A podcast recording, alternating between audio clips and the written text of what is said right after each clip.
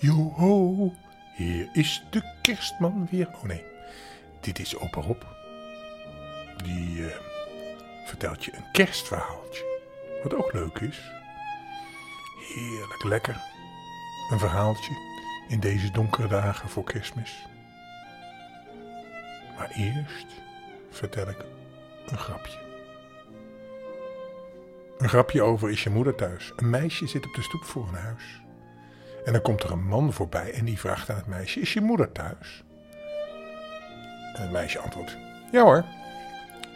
De man belt aan, maar niemand doet open. De man zegt tegen het meisje: Maar je zei toch dat je moeder thuis was? Ja, dat klopt, meneer, antwoordt het meisje. Maar ik woon een straat verderop. er zitten twee leeuwen in de boom, zegt de ene leeuw tegen de andere. Kom op, we pakken die automobilist. Zegt de andere leeuw. Nee hoor, ik heb geen zin in vlees in blik.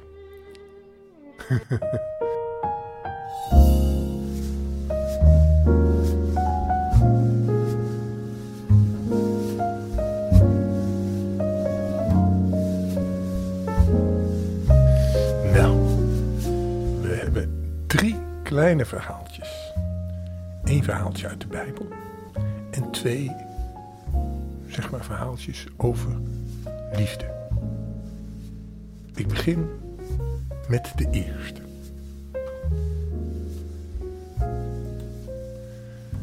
De maaltijd in hemel en hel. Een man verbaasde zich al sinds zijn jeugd over de dingen die de mensen elkaar vertelden over de hemel en de hel.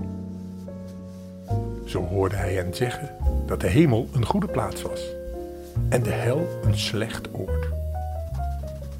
De hemel zit barstens vol engelen en heiligen, terwijl de hel overbevolkt is met duivels, kwade geesten en gemene lieden. De man wist niet zo goed wat hij hiermee moest. Volgens hem kon je slechts oordelen over deze twee oorden als je ze met je eigen ogen gezien hebt. Op een nacht werd hij gewekt door een engel die hem vroeg: Ben je er nog steeds zo op gebrand om het verschil tussen de hemel en de hel te weten? Ja, antwoordde de man. Ik wil niets liever weten dan waar ik terecht kom als ik eenmaal doodga. Hierop nam de engel hem bij de hand en samen vlogen ze door de dichte eindeloze duisternis tot ze bij een gesloten poort aankwamen. De engel duwde de zware deur open en zei: Dit is de hel. Houd je ogen goed open en zorg ervoor dat je geen detail mist. Hoorde je net? Guus die liep weg. Die lag aan mijn voeten, maar die gaat nu op pad. Nou, we zijn in de hel aangekomen. En de man was zeer verbaasd. Er was, zoals hij verwachtte, geen duivel te zien in de hel. Er waren geen saters, geen bokkenpoten of eeuwigdurende vuren waarin mensen brandden. Alles wat hij zag was een gigantische zaal vol eettafels. En elke tafel was volgeladen met verrukkelijke gerechten. Schalen met sappig fruit, hoog opgestapelde taarten, de beste wijnen en de zachtste kaas. Zover hij kon zien zag hij mensen aan deze beladen feesttafels zitten. In eerste instantie benijdde hij hen erg. Tot zijn blik op hun armen viel. Toen pas merkte hij op dat hun armen vanaf hun schouders veranderd waren in vorken. En deze vorken waren zo lang dat, hoezeer de feestgangers er ook hun best voor deden, ze niet in staat waren het voedsel naar hun eigen mond te brengen. Hun vruchteloze pogingen waren zo frustrerend dat ze paars zagen van woede, haat en honger. En de engel nam de man opnieuw bij de hand leidde hem naar buiten. Voor de tweede keer vlogen ze door de dichte, koude duisternis. Tot ze bij een andere poort aankwamen en de engel stopte. Hij zwaaide de deur open en zei: Mag ik je met vreugde presenteren? De hemel. In eerste instantie raakte de man in grote verwarring, want de hemel zag er precies zo uit als de hel. Het was precies dezelfde gigantische ruimte. En ook hier waren er lange eettafels volgeladen met de meest exquise gerechten uit alle delen van de wereld. Zelfs de feestgangers zagen er identiek uit. Ook bij hen waren de armen veranderd in onhandige, lange vorken. Even dacht de man dat de engel een flauwe grap met hem uithaalde. Maar toen keek hij goed. En toen zag hij het verschil. Hij merkte het verschil op. De mensen in de hemel waren niet kwaad of hongerig. Integendeel, ze lachten allemaal. En ze waren goed doorvoed, want deze mensen gebruikten allemaal hun lange gevorkte arm om hun overburen van voedsel te voorzien. Want met die lange, stijve vorken konden ze wel het eten in de mond van hun overbuurman stoppen. Zo werkten ze samen, zo hielpen ze elkaar en deelden het fantastische eten. Zodat ze allemaal lekker te eten hadden. En ze dronken en ze hadden plezier. Dit is een oude parabel uit de Bijbel. Die gaat over behulpzaamheid, samenwerken en delen. En eigenlijk zegt hij dat of je in de hemel of in de hel komt, dat dat aan jezelf ligt. Als je egoïstisch bent, alleen maar aan jezelf denkt, dan kom je in de hel. Want dan denk je alleen maar hoe je het eten in je eigen mond kan krijgen. Maar als je om de ander denkt, gulgevig bent en lief, dan denk je aan je buurman, je overbuurman. En die stop je dan het eten in zijn mond. En die overbuurman stopt het eten in jouw mond. En dan is het een hemel. Hebben nog een klein verhaaltje. En dat heet Stille Nacht, Tovernacht. Het was koud die nacht. Een ijzige wind joeg de sneeuw op. En de mensen die nog buiten waren, haasten zich. Thuis brandde het vuur in de haard. De tafel was gedekt. De kaarsen waren aangestoken. Het was kerstavond. Nog maar één enkele man liep door de verlichte straten. Zijn rug was gebogen en hij liep maar voort door de sneeuw en de kou, zonder zelf te weten waarheen hij ging. Niemand wachtte op hem. Riton, zo heette hij, had geen familie en geen thuis. De mensen keken naar hem als hij voorbij ging. Hij lette er niet op. Zonder achterom te kijken vervolgde hij zijn weg. Hij floot zachtjes voor zich heen en de sneeuwvlokken bleven in zijn baard hangen. Toch was hij niet alleen in die ijzige nacht. Een hondje liep achter hem aan. En waar kwam dat hondje vandaan? Om zijn nek had de hond een halsband met een ster. En toen Riton het hondje zag, begonnen zijn ogen te stralen. Ben je verdwaald? Zullen we dan maar niet lekker bij elkaar blijven? En de hond keek hem aan. Beschut onder de takken van een grote spar pakte Riton een stuk brood uit zijn rugzak en sneed het in tweeën. Hier, zei hij met een glimlach. Het is een mager maaltje voor een avond als deze.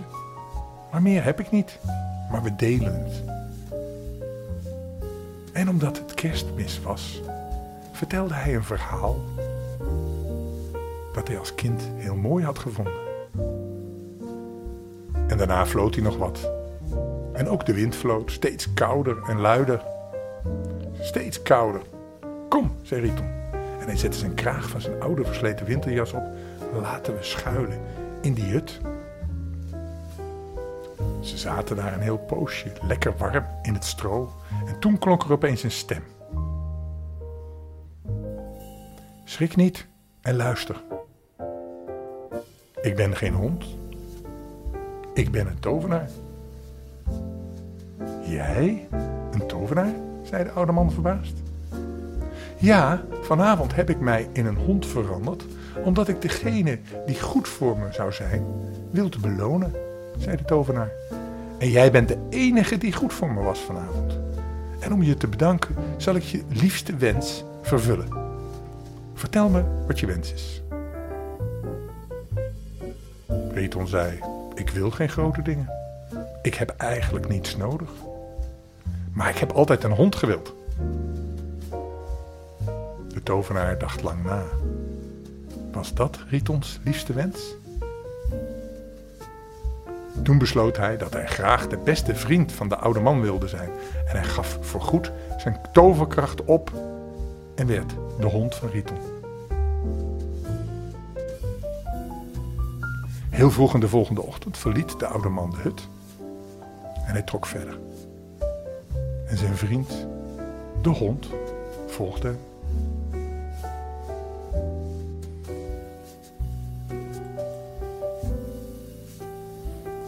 We hebben nog een derde verhaaltje en dat gaat over de drie koningen. En dat komt uit de Bijbel. Het heet De Vlucht van Heroides en Achilleus. Toen het kindje Jezus geboren was in Bethlehem in Judea, tijdens de regering van koning Herodes, kwamen er magiërs, dat zijn ook tovenaars, uit het oosten in Jeruzalem aan. En ze vroegen, vertel me eens, waar is die pasgeboren koning van de Joden? We hebben namelijk een ster aan de hemel gezien. En we zijn dus naar die ster achterna gegaan om hem te eren. Koning Herodes schrok hevig toen hij dit hoorde. En iedereen in Jeruzalem ook. Hij riep alle hoge priesters en schriftgeleerden van het volk samen om aan hen te vragen waar die Messias dan wel geboren zou kunnen zijn. In Bethlehem, in Juda, zeiden ze tegen hem. Want dat, zo staat het geschreven bij de profeet. Daar staat: En jij, Bethlehem, in het land van Juda, bent zeker niet de minste onder de leiders van Juda. Want uit jou komt een leider voort, die mijn volk Israël zal hoeden. Daarop riep Herodes, die bang was dat de koning hem af zou zetten, in het geheim de magiërs bij zich. Hij wilde precies van hen weten wanneer die ster zichtbaar geworden was. En hij stuurde hen vervolgens naar Bethlehem met de woorden: Stel een nauwkeurig onderzoek in naar dat kind. Stuur mij bericht zodra je het gevonden hebt, zodat ik er ook heen kan gaan om hem eer te bewijzen. Hij wilde niet echt eer bewijzen, let maar op. Nadat ze geluisterd hadden naar wat de koning hun opdroeg, gingen ze op weg. En nu ging de ster die ze hadden zien opgaan voor hen uit. Totdat hij stil bleef staan op de plaats waar het kind was. En toen ze dat zagen, werden ze vervuld van diepe vreugde. Ze gingen het huis, de stal binnen en vonden het kind met Maria, zijn moeder. En ze wierpen zich neer om het kindje te eren. Want het was een koningskind. Daarop openden ze hun kisten met kostbaarheden en boden het kind geschenken aan. Goud, wierook en mirre. Nadat ze in een droom waren gewaarschuwd om niet naar Herodes terug te gaan, reisden ze via een andere route terug naar hun land. Kort nadat ze op die manier de wijk genomen had, verscheen er aan Jozef in een droom een engel van de Heer. En die zei: Sta op en vlucht met het kind en zijn moeder naar Egypte. Blijf daar tot ik je weer roep, want Herodes is naar het kind op zoek en wil het doodmaken. Jozef stond op en week nog dezelfde nacht met het kind en zijn moeder uit naar Egypte. Daar bleef hij tot de dood van Herodes en zo ging in vervulling wat bij monden van de profeet door de Heer is gezegd. Uit Egypte heb ik mijn zoon geroepen. Toen Herodes begreep dat hij door de magiërs misleid werd, werd hij verschrikkelijk boos. En afgaande op het tijdstip dat hij van de magiërs had gehoord, gaf hij opdracht om in Bethlehem en de wijde omgeving alle jongetjes van twee jaar en jonger, jonger om te brengen, dood te maken. En zo ging in vervulling wat gezegd is door de profeet Jeremia. Er klonk een stem in Rama, luidwenend en klagend. Rachel beweende haar kinderen en wilde niet worden getroost. Want ze zijn er niet meer. Nadat Herodes gestorven was, verscheen er in een droom aan Jozef in Egypte een engel van de Heer. En de engel zei: Sta op. Ga met het kind en zijn moeder naar Israël. Want zij die het kind om het leven wilden brengen, zijn gestorven. Jozef stond op en vertrok met het kind en zijn moeder naar Israël. Maar toen hij daar hoorde dat Archelaeus, zijn vader Herodes, had opgevolgd als koning van Judea, durfde hij niet verder te reizen. Hij kreeg weer aanwijzingen in een droom en week uit naar Galilea. Hij ging wonen in de stad Nazareth. En zo ging in vervulling wat gezegd is door de profeet. Hij zal Nazareër genoemd worden. Dit is een Bijbelverhaal over de wijze uit het oosten. En je ziet daarin ook dat de bestaande koning altijd bang is dat er een nieuwe koning op zal staan. En dat die, de slechte koning, die Herodes, daarom alle kinderen, die jonger waren dan twee jaar, vermoord heeft. Verschrikkelijk, hè? Maar gelukkig is het kindje Jezus ontsnapt naar Egypte. Nou, ga maar lekker slapen nu. Welterusten, hè? Tot morgen.